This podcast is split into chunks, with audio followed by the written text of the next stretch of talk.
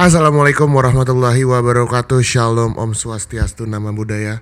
Selamat pagi, selamat siang, dan selamat malam bagi teman-teman yang mendengarkan nih Di podcast Hello ATL Mungkin bagi teman-teman yang mendengarkan Bagi teman-teman yang sering mendengarkan podcast ini Bertanya-tanya nih kok suaranya beda dari pembawa acara yang biasanya Mungkin ada juga yang mengenali Oh ini mah pembawa acara yang sering menjadi tandemnya Adika di salah satu episode-episode yang ada di podcast Hello ETL karena di sini mungkin gue pengen kenalan dulu kali ya.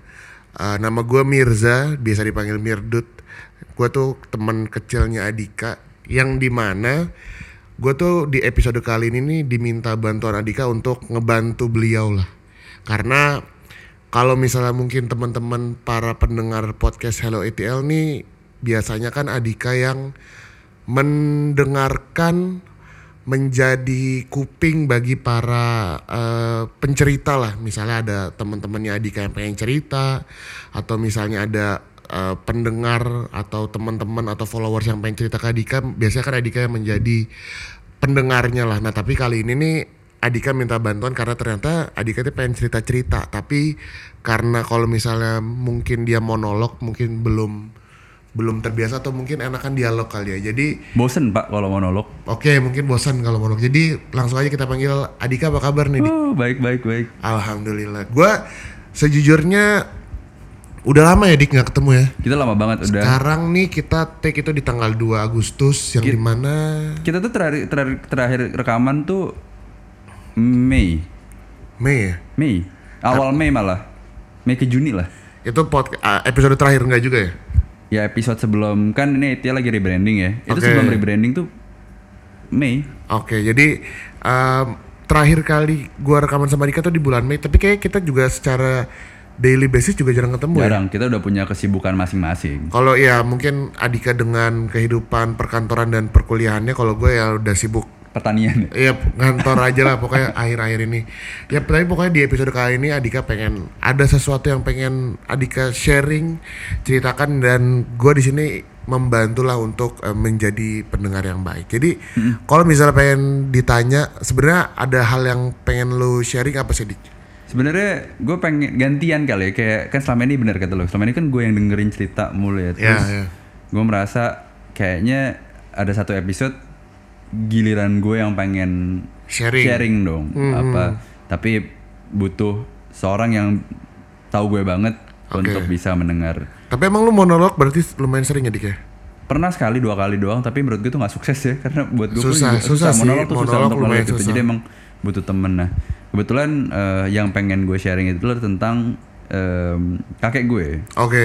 karena dan mungkin topik hari ini adalah soal gue di, di bayangan gue adalah tentang menjadi cucu kesayangan lah ya karena belum ada di di Hello ETL selama 2 tahun membahas soal Cucu. ya kakek nenek cucu gitu kakek dan cucu gitu belum belum Oke, pernah oke. membahas gitu Tapi ini lebih dari perspektif lu sebagai cucu kali. ya? betul Kakek lu aka Bob, yoi nama panggilan nama panjangnya siapa dikasih jadi? nama panjangnya Berbudi Cokrowinoto Kenapa bisa dipanggil Bob? jadi ceritanya dulu waktu zaman nyokap gue lahir kan Berarti ini kakek dari nyokap lu ya? kakek dari nyokap Oke. itu kan dipanggilnya bapak atau ibu ya Oke, sama mak lu berarti ya? Ah, nyokap gue apa tante gue gitu nah Oke. terus somehow nggak bisa ngomong bapak Bob, Bob. siapa yang bisa nggak bisa ngomong bapak tuh siapa? nah gue lupa antara nyokap gue apa tante kayak nyokap gue deh kalau nggak salah Oke. dulu apa eh, jadi keterusan akhirnya sampai sampai besar keterusan terus Oke. eh, dulu pun kalau nggak salah gue juga awalnya mau delete untuk dipanggil Eyang ngemanggil Eyang gitu Oke. tapi juga karena lihat nyokap gue mau Bob Bob Bob juga jadi kebiasaan Bob Bob Bob dan Oke. dan lucunya sampai mantu mantunya juga manggilnya Bob Nggak pakai eyang, nggak pakai bapak. nggak pakai Anjir Bob. kocak juga ya. Bob dan Mom gitu Oh, I see. Jadi Bob itu ternyata adalah nama nickname lah ya. nickname Nggak ada hubungannya misalnya Mirza, Mirdut kan Mirza Gendut ini nggak kayak- nggak Oh, dulu, iya. dulu dulu waktu zaman kecil gue kira itu part of the name Ya, ya, ya. Iya, tapi ternyata tidak Ya karena kan kalau gue sering main ke rumah lu denger lu manggil atau eh, lu manggil Bob kan kayak kita kira kami kira kan namanya mungkin Bob siapa Iya. gitu tapi ini kan ternyata Bob itu merupakan ya nickname ternyata dari dari keluarga lah Iya ya. betul Buk- bukan Bob Tutupoli Ya, Bob Sadino bisa Iya juga. iya bukan Bob Marley juga bisa. Iya juga. bisa sih Nah, tapi kalau misalnya gua pengen tanya dulu sebenarnya Hmm? seberapa dekat tadi kan lu bilang cucu kesayangan sebenarnya seberapa dekat lu sama kakek lu ini si Bob Ah, de- deket banget sih, iya. karena kalau misalnya gue lihat beberapa kali gua ke rumah lu ya ada eyang lu ini tapi kan gua kan tidak bisa tidak bisa gua melihat beberapa seberapa dekat sih Ya. mungkin lu bisa kasih cerita dikit nggak misalnya contoh sedekatnya lu dengan kakek lu apa eh de- deket banget sih kayak kakek kakek gue tuh selalu menjadi apa? Jadi role model gue lah. oke Bahkan em, kalau ditanya dulu waktu kecil, gue kalau gede mau gantengnya kayak siapa? Kayak Bob. gitu. oke Gak pernah tuh kayak bilang kayak bapak gue, gak pernah Oke. kayak Bob, kayak Bob ya. Terus deket banget tuh kayak karena gue cucu pertama juga kali ya. Oh, Jadi see. eh, jadi ada kayak semacam apa ya special special connections lah antara pasti gue pasti dan sama ya Bob gitu. Terus contohnya mungkin waktu gua ke, ya, setiap gua sakit yang di opname zaman gua sekolah itu pasti yang nungguin kakek lu kakek gue dari zaman gua sunat. Waktu itu gua pernah operasi buntu. Tuh gua pasti beliau selalu nemenin gitu. oke Dan dia beliau tuh selalu ada di momen-momen penting lah. Salah satunya waktu gua wisuda tuh ada. Kecuali yang waktu gua di Spanyol ya, kan nggak mungkin ya. Tapi beliau selalu selalu ada. Terus dulu kan gue selalu kalau lebaran eh lebaran liburan sekolah tuh pasti pulang ke Bandung. oke Ya pasti ke rumah dia ke, ke- di situ terus kita jalan pagi atau apa. Kadang-kadang kalau kalau gue capek minta gendong ya as simple as that gitu loh. Jadi gue sedekat itulah sama eh, sama Bob. Kita ngomongin sepak bola. oke oh su- suka su- Suka bola juga oh, dia dulu dulu zaman zaman kuliah tuh pemain bola oke di Jogja. Eh, tapi untuk Tapi tidak profesional. am- enggak, amatir. Tapi per- eh, jago lah dulu di masanya sebelum akhirnya menyelesaikan kuliah dan akhirnya eh, masuk ke ke militer. Jadi Oh, kita kalau ngomongin bola atau kita kan kalau nggak salah kita sama lu kan pernah nonton bola tuh di rumah inget gak sih? Ya, ya, ya. Nonton bola di atas atau ya sampai sekarang sampai saat sakit pun hiburannya eh, hiburannya nonton bola. Gue bawain laptop nih kita nonton bola gitu sih. Tapi memang kalau misalnya lu ngomongin Hmm? cucu pertama memang itu juga terjadi di keluarga gue sih. Jadi kalau misalnya gue boleh sharing nih, Hmm? eh, sepupu gue paling tua dari Hmm? eh, pokoknya dari dari cucu bokap gue tuh ada namanya Diski, Hmm? dipanggilnya Eki, gue manggilnya Bang Eki. Jadi si Bang Eki nih memang punya ya itu special bonding juga Hmm. sama sama si yang gue, yang di mana dulu eh, diajarin yang nggak bener dari yang gue pokoknya ada Oh, ada iya. ada hal seperti itu. Tapi memang gue setuju sih eh, apa namanya memang cucu pertama tuh bisa dibilang memiliki special connection kali Iya. sama si kakeknya atau neneknya. Tapi tadi kan lu sendiri udah bilang kalau misalnya yang lu lagi sakit memang lagi sakit apa nih dik? Jadi sakitnya tuh bisa dibilang gimana menjelaskan ya sakit sakitnya dibilang parah? Iya. Oke tapi sadar. Udah lama kah sakitnya atau gimana? Jadi kakek gue tuh sakit dari 2020 oke. 2020 tuh jadi suatu hari bulan apa ya Oktober kalau nggak salah em, awalnya tuh kita kira stroke. Lumpuh kah sorry? Eh, let's say partial ya. Oh iya. Jadi kayak waktu itu gue inget ceritanya mau makan tapi kok nggak bisa megang. Oke. Kayak nggak kok kayak nggak bisa megang terus ada dibawa ke rumah sakit eh, diagnosa pertama adalah gejala stroke. Oke. Terus ya udah awalnya biasa kan. Nah tapi itu ternyata kambuhan Heeh. sampai ada di apa istilahnya bukan di ronsen satu lagi apa? MRI MRI itu ternyata ada semacam benjolan di eh, lapisan luar otaknya. Yang Oke. menyebabkan itu menekan eh, kan biasanya antara otak sama ke tengkorak tuh ada jeda ya. Mm. Jadi karena kan dia neken jadi bengkak. Jadi itu yang ada menyebabkan ada beberapa saraf yang kejepit. oh syaraf kejepit mungkin yang lebih familiar kali ya Ya mungkin orang mikirnya ya ya kista di luar kan mungkin susah juga ngebayanginnya tapi kayak bayangannya aja itu karena luka Oke. jadi borok kan jadi otaknya bengkak dan itu jadi mem- membuat saraf-saraf beberapa saraf yang untuk ke tubuh tuh kejepit dan akhirnya membuat badan tuh setengah bisa di bisa ber- berfungsi berfungsi. Nah, eh, cari dokter enaknya gimana? Ya memang paling bukan paling mungkin bisa bilang ideal pun juga enggak ya, tapi paling cepat waktu itu emang harus operasi. oke Nah, kan kita mikirnya waktu itu operasi itu dengan dengan harapan bisa langsung pemulihan gitu. Em, operasi tuh kalau nggak salah November jadi dibuka gitu mir Eh, tengkoraknya dibuka diambil tapi itu cepat sebenarnya. Jadi pas diam pas diambil dan pas diambil tuh otaknya menciut lagi jadi kayak normal lagi. Cuman dari proses lu buka tengkorak itu kan lama. Mm, pokoknya gue waktu itu masuk masuk masuk ruang operasi jam 2 apa jam 3 baru kelar tuh setelah maghrib apa? Oke. lama lah jam 7 gitu. Terus em, nah itu sebulan di rumah sakit. Hmm, hmm, hmm, hmm. 33 hari. Dan kita berharapnya setelah 33 hari pemulihan di rumah sakit bisa recovery lah dengan Oke. lancar tapi ternyata Tidak. ternyata gue juga baru tahu recovery recovery gitu tuh banyak Ya. ininya banyak banget apa yang kita kira flat gitu ya pasti bisa lah tanggal segini gitu dia udah bisa jalan lagi ternyata sampai sekarang pun juga belum Ya mungkin karena kayak yang lu udah berumur uzur juga kali ya. ya sih mungkin ya Eh, tapi memang apakah dari tahun 2020 sampai dulu sekarang nih naik turun banget kah atau gimana kondisinya dik? naik turun banget iya naik turun Oke. banget kayak eh, Maksudnya pernah dia sehat kayak benar-benar sehat lagi pernah tuh? Pa- pa- paling es minimal bisa ngobrol, bisa ceria, meskipun nggak pernah beranjak dari kursi roda ya. Oke. Paling nggak secara mentally sama dari apa eh, dari cara dia ngomong, cara beliau semangat untuk apa tuh Terlihat. terlihat gitu. Kalau Odin lagi happy, lagi semangat itu itu terjadi di awal-awal keluar rumah sakit gitu. Dan enam bulan pertama lah gitu. Tapi kan banyak faktor ya, eh, faktor psikis. Eh, mungkin benar fisik secara usia itu nggak lu nggak bisa bohong ya. Pasti. Fisikis psikis tuh juga melihat mungkin kakek gue mungkin mikirin terlalu mikirin sesuatu yang belum bisa dikasih tahu ke anak cucunya jadi kepikiran Hmm, hmm, hmm, hmm. Atau yang eh, atau mungkin kakek gue mikirin sesuatu yang kira-kira kalau gue misalnya misalnya mungkin ya kalau gue nggak ada bisa nggak ya gini-gini bisa nggak ya gini-gini. Ya kadang-kadang kan ada ada rasa apa ya mungkin khawatir gitu loh.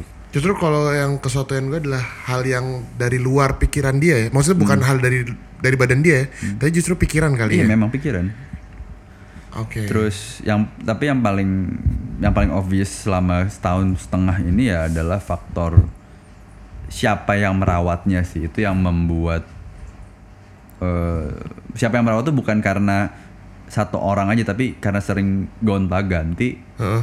kan adaptasi lagi buang tenaga lagi dari nol lagi jadi Dari dari beliau sembuh, dari beliau selesai operasi memang udah berapa kali ganti ini dik? tar ya gue lagi ngitung. Satu dua tiga empat delapan. Ih lumayan ya. lumayan. Banyak banget. Lama tujuh apa delapan. Mungkin apakah itu yang membuat yang lu stres juga kah? bisa jadi. Menurut gue bisa jadi. Bukan bukan pasti tapi bisa jadi karena em Treatment orang beda-beda sih dik. be- ya satu beda tangan beda orang beda caranya belum tentu kakek gue seneng Ya. ada aja yang salah gendongnya ada yang terlalu dipaksa kakek kan kadang susah ya mentranslate lu seberapa ini menurut kita mungkin udah cukup udah cukup pelan gitu tapi buat kaki gue ternyata terlalu Kencang. kencang nah kan bisa Oke. Terus misalnya eh, ada ada juga yang fisiknya tuh ternyata nggak kuat untuk harus siap siaga 24 jam. Karena karena kaki gue tuh bangunnya bisa aja jam 1 pagi bangun buat pipis. I see. Nah, terus em, jadi kadang ada ada yang mungkin secara di, di kasat mata tegap itu tapi ternyata nggak untuk untuk daya tahan nggak kuat. Tapi yang lu bisa duduk sambil bisa tidur gitu kan? Duduk-duduk bisa nggak? Ah, nggak nggak bisa. Harus di Di- ah, kursi roda. Duduk tanpa senderan pasti jatuh. Oke. Karena postur badannya Udah berat. ya berat dan miring. Oh I see. I see. Jadi tidur tidur ke duduk pun nggak bisa sendiri gitu loh. Ya, ah, gue punya almarhum yang gue ya. Hmm. Dulu gue sempat merasakan hal seperti itu juga sih. Ah, ya yang gue sekarang udah nggak ada. Seperti yang gue bilang kan almarhum ya. Ya. Ah, bisa dibilang apa ya? ya Mungkin udah ya mungkin kejadian sama juga tuh waktu itu jatuh di kamar mandi sejak operasi tapi ternyata setelah operasi tuh gak nyampe tiga bulan tuh memang udah decliningnya sangat amat declining gitu jadi eh, ya gue pernah ng- ngeliat juga sih kayak dia diajak makan susah terus diajak bukan diajak sorry dilatih duduk dan dilatih untuk berdiri juga susah tapi memang nggak bisa disamain sih kenapa? Kan ternyata temen gue juga ada nih dik. Temen gue dia punya oma. Omanya tuh juga pernah waktu itu lagi sakit. Tapi sekarang justru alhamdulillah setelah gue sih kalau nggak salah emang uh, saraf kejepit juga ya temen gue omanya. Tapi sekarang justru kayak ya sehat-sehat aja. Umur udah 90 terus kemarin gue ngeliat dia lagi mani pedi justru sama omanya jadi kayak ya mungkin bener kata lu ada hal-hal yang di luar pikir di luar badan dia justru jadi pikiran. Betul.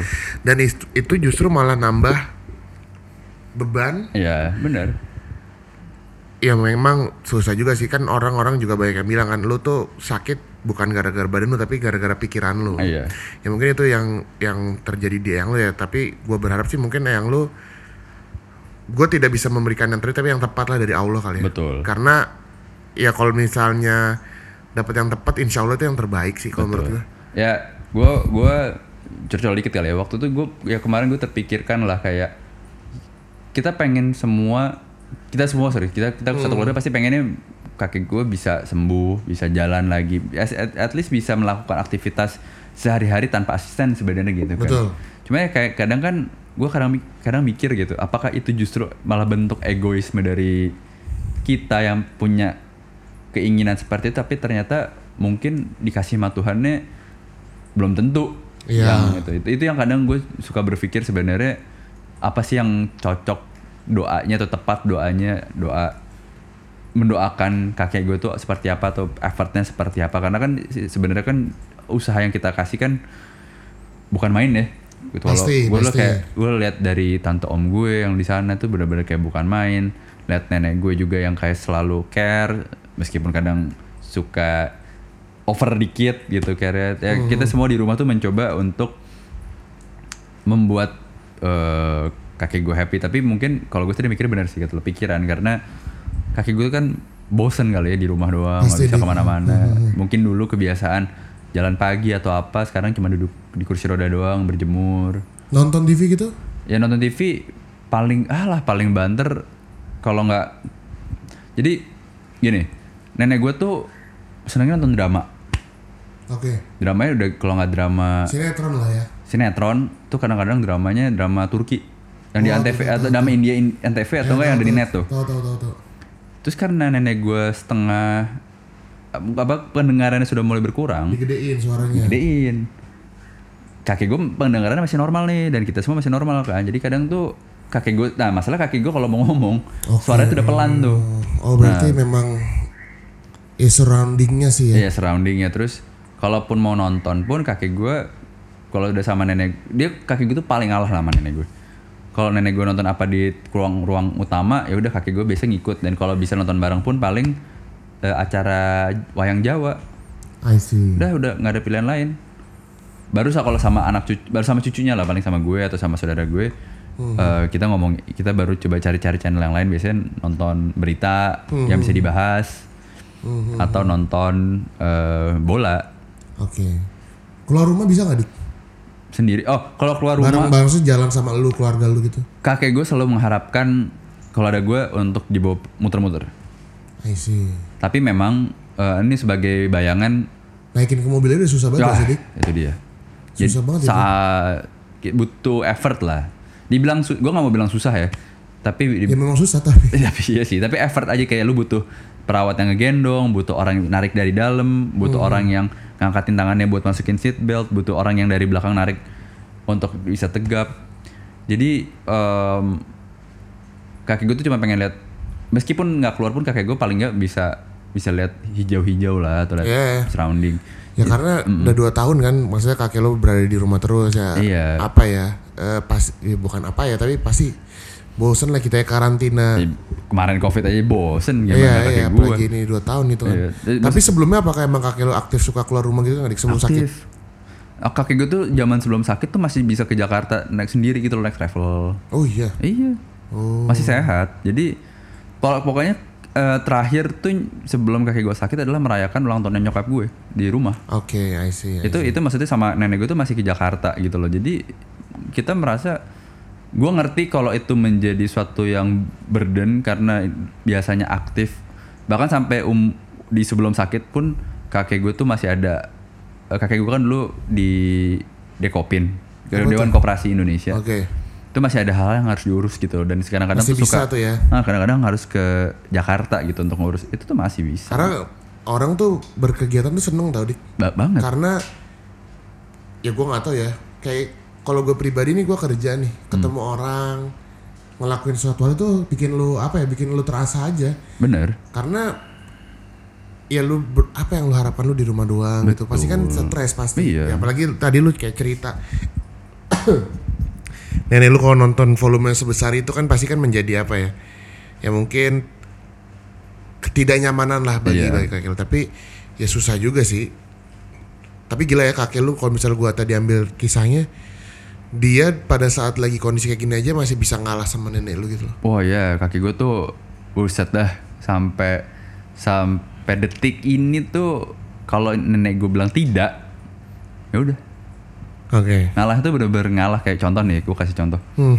tapi tapi gue mulai gue mulai melihat nih kakek gue tuh kadang ya kayak apa nenek gue juga keras kepala sih ya. Hmm. dan nenek gitu ya. kayak misalnya kakek gue udah semangat mau jalan nih muter muter muter Bandung gitu.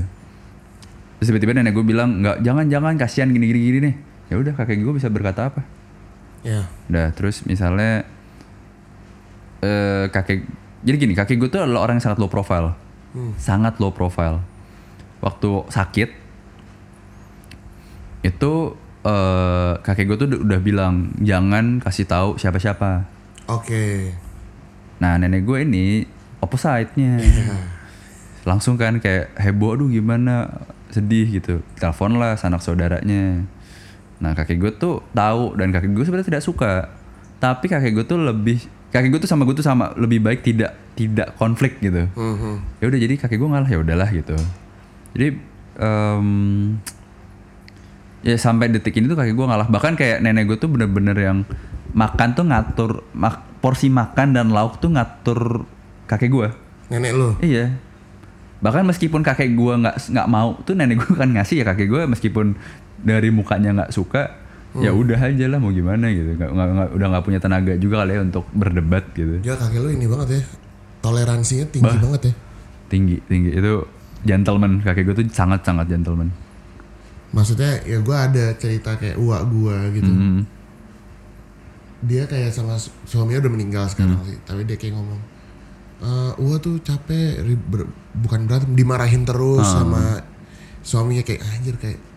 Sedangkan gue dengar cerita Hmm. si yang lu kayak buset gentle sangat amat gentleman sih bisa dibilang sangat iya, sangat. D- jadi mungkin sebelum sakit jadi gini sebelum sakit nenek gue tuh sangat bergantung sama kakek gue kakek gue tuh adalah orang yang sangat disiplin Oke. jam 6 pagi bangun nih ini Oke. sebelum sakit ya jam 5 atau jam 6 pagi bangun ngepel nyapu tuh masih terus kadang tuh masih- lu? iya Oke. terus kadang-kadang masih suka naik ke atas ke lantai dua buat jemur baju Oke. nah kakek gue adalah orang yang juga tahu obatnya nenek gue apa aja Oh. pagi siang malam jadi nenek gue tuh udah terima beres Kayak kebalikan ya.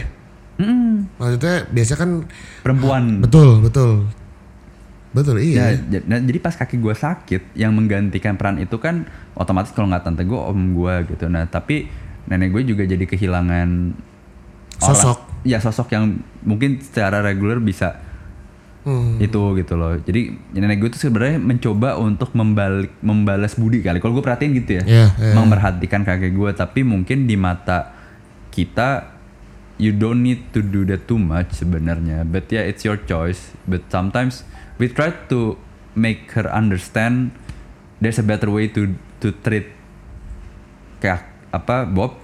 Tapi ya sulit gitu loh. Susah dik ngasih tahu orang tua. itu mah. dia masalahnya. Sumpah dah. Gue tuh gue Ya tuh mungkin nanti kita tua bakal kita juga sih. mungkin gue gue sih berharap ketika gue tua ya gue juga bisa masih ber- masih bisa punya kemampuan untuk berpikir dua arah lah gitu. Karena susah sih orang tua. Nenek gue tuh buset dah. Nah, nenek lu kenapa? Dia kan di rumah udah pakai kursi roda doang ya. Heeh. Terus ya butuh tenaga ART lah untuk Iya, iya. membantu urusan dia. Ya mungkin sama kayak beda tapi beda sih sama sama si uh, yang lu ya. Hmm. Nenek gue tuh bener-bener ada pembantu nih. Hmm. Dua hari keluar, Sama-sama. tiga hari keluar. Karena kalau ini kalau tapi karena kalau ini karena yang gue ngomel-ngomel. Oh iya sama. Buset bener-bener kagak ada yang awet tuh apa namanya Sama. ART di rumah nenek gue. Sama. Maksudnya hal biasa diomelin itu kan bener-bener jadi gede eh, iya padahal kayak anjir tinggal ngomong biasa doang tapi gua nggak ngerti sih nenek-nenek Jadi, kemarin gue juga sama apa nenek gue ini kenapa jadi ngomongin nenek tapi nggak apa-apa sih ini karena karena menurut gue saling berkaitan sih Heeh. um, as simple as um, waktu itu kan ad- ada ada pembantu kan sekarang sebenarnya Hmm. pembantu lama yang kita yang di hire lagi karena udah kenal sama Iya. karakter lah gitu kan Hmm. Terus eh, nenek gue tuh menuduh mbak di rumah tuh nggak kerja oke Padahal mbak mbaknya ini kerja pas nenek gue tidur tidur siang gitu loh. Oke. Dituduhnya eh jadi nenek gue tuh kalau nggak salah jam tidurnya tuh cukup lucu. Kayak kayak pagi tuh baru bangun jam berapa gitu. Jadi suka insom gitu. ya ya ya Nah pas nenek gue ini belum bangun apa gimana tuh si Mbak mbak ini tuh kerja. Hmm, ngepel nyapu. Nah tapi di, dia dianggapnya tidak ngepel nyapu. Terus akhirnya kita kasih tau lah ya udah kalau gitu mulai sekarang kerjanya pas ini masih bangun aja. Jadi Hmm. jangan lu jangan sampai terlihat tidak kerja Heeh. Hmm. Terus ntar mbaknya nanya, loh nanti kalau saya masak-masak gini gimana? Mau makan siang gimana? Hmm. Udahlah nggak apa-apa lah, yang penting lu terlihat kerja aja lah gitu. Hmm. Daripada nanti gini-gini apa ngomel-ngomel ya. Ya itulah itu maksudnya ya ya jadi mudah insecure kali ya gitu nenek nenek tuh. ya mungkin insecure dan perfeksionis juga Betul. mau semua kayak under controlnya dia gitu Micromanaging lah. kalau Iya iya sekarang iya bahasanya. iya ya, ya gak baik juga sih. Hmm. Tapi kalau misalnya gue pengen nanya ini kan lu kemarin sempat ngeluarin lagu lah ya. Iya. Judulnya Everything Will, Will Be Be Okay. Okay. Hmm. Apakah itu salah satu lagu lu tunjukkan tujukan buat eyang lu kah atau bagaimana? Eh, Bisa lu ceritain sedikit nggak? Maksudnya lagunya tuh Se- eh, se- sebenarnya lagu itu tercipta nggak nggak khusus buat kakek gue sih. Waktu- karena waktu itu kan pas gue bikin itu dari, awal-awal pandemi ya. Jadi sebenarnya itu lebih ke buat teman-teman lah yang uh, Oke, karena oh, banyak orang tua yang meninggal. Banyak yang kehilangan kerjaan. banyak kehilangan kerja. Jadi kayak gue pengen menyemangati dari situ. Tapi somehow lagu itu pun juga relate ke gue gitu kalau misalnya gue lagi Oke. ngebahas kakek gue jadi em, sekarang sih gue lagi bikin lagu juga tapi Oh, gitu. bikin khusus menceritakan tentang kakek gue sih lebih spesifik lah I see. Apa nih lagunya? Kasih teaser teaser. mungkin apa ya cerita aja kali ya kalau kalau karena belum belum belum rekaman detik ini Oh gitu. lagi on the lagi on the way mau rekaman Tapi memang tertuju banget untuk Ya, jadi emang emang lagu ini lagu ini berdasarkan selama satu tahun kakek gue recovery, Oke. gue merecap apa yang setelah gue sebagai cucu nih gue lakuin sama kakek gue tuh eh, lakuin kayak di- ada di bagian lagu itu kayak gue bilang kalau gue kalau misalnya gue ke Bandung pasti kakek gue mau diajak muter sama gue itu Oke. tercapture dalam gue nulis lagu terus Oke. em, misalnya kakek gue tuh di usia-usia yang sangat uzur ini tuh ingatannya tuh masih tajam. I see. Jadi kayak misalnya gue cerita, jadi kakek gue kan mantan tentara ya, Oh. dulu pernah kerja di Pindad. Jadi kayak cerita-cerita tentang zaman tahun 60-an, 70-an, 80-an tuh dia masih Zaman Soeharto dong. Oh, zaman Soeharto, zaman dari zaman mohon maaf Baru. zaman PKI. Untuk untuk zamannya Bung Karno mungkin masih terlalu muda ya kalau untuk zamannya Bung Karno, tapi paling paling itu zamannya baru Pak pasti sih ya. Paling zamannya Orde Baru. Jadi itulah, jadi gue gue berpikir kayak dan di lagu itu sebenarnya Mhm. gue pengen me- memberikan pesan nggak hanya ke gue juga tapi ke semua orang kali kayak yang yang kita punya tuh cuman momen dan waktu gitu loh mir jadi Iya, iya. kayak ya udahlah nikmatin aja gitu Mhm. nggak nggak bisa berharap lebih banyak jadi ya kayak gue gue merimain ke diri gue juga untuk lagu ini biar ya udah nggak nggak perlu overthinking kayak gimana gimana ya udah nikmatin aja sama kakek lu selagi bisa gitu loh. Iya sih karena menurut gua kalau misalnya orangnya udah ya walau alam ya udah udah nggak ada. Jangan kan nen- kakek lu orang siapa kayak teman lu mantan Nah, lu pacar dia. lu. Ya kalau udah nggak ada ya udah udah susah juga. Dan dan biasanya kan gue melihat gitu ya orang-orang yang dealing with death gitu ya. Mhm. atau people who get illness uh, illness yang terminal. Hmm. kayak cancer atau apa kan kadang kan kita selalu ditanya what is your last wish? What is your last wish? Oke. Ya kadang gue selalu gue selalu berkaca kayak ya memang sebenarnya orang pasti pengennya kan sembuh cuman ada juga yang buat dari sisi yang sakit kan pengennya udahlah gue capek gitu. Gue pengen nikmatin apa apa yang gue pengen. Kayak kalau lu perhatiin kan di sepak bola biasanya ada beberapa fans yang sakit kanker di, terus gue Ya. pengen nih buat tim apa gitu diundang akhirnya kan bisa gitu kan. Itu kan cuma mengabulkan permintaan terakhir sebelum memang dia meninggal karena dia tahu penyakit itu incurable gitu. Nah sebenarnya itu juga salah satu apa ya kayak point of view yang pengen gua angkat di lagu ini kayak mungkin memang dari dari kita yang sehat kita mengharapkan orang ini sembuh gitu. Betul. entah entah orang tua lo entah keluarga lo siapa siapa gitu. Tapi kadang Sembuh bukan jalannya. satu, satu sembuh bukan jalannya kedua orang yang sakit tuh juga belum tentu Pengen sembuh. pengen sembuh Ya, ya, ya. ada cara ada kayak ya mungkin em, ada cara lain untuk bisa menikmati hidup kayak gue tuh gue nonton waktu itu series apa ya Korea Ki- 30 39 Gak tau gue, gue skip banget Korea. ada gue gue dikasih tau- gue dikasih tau cewek gue Hmm.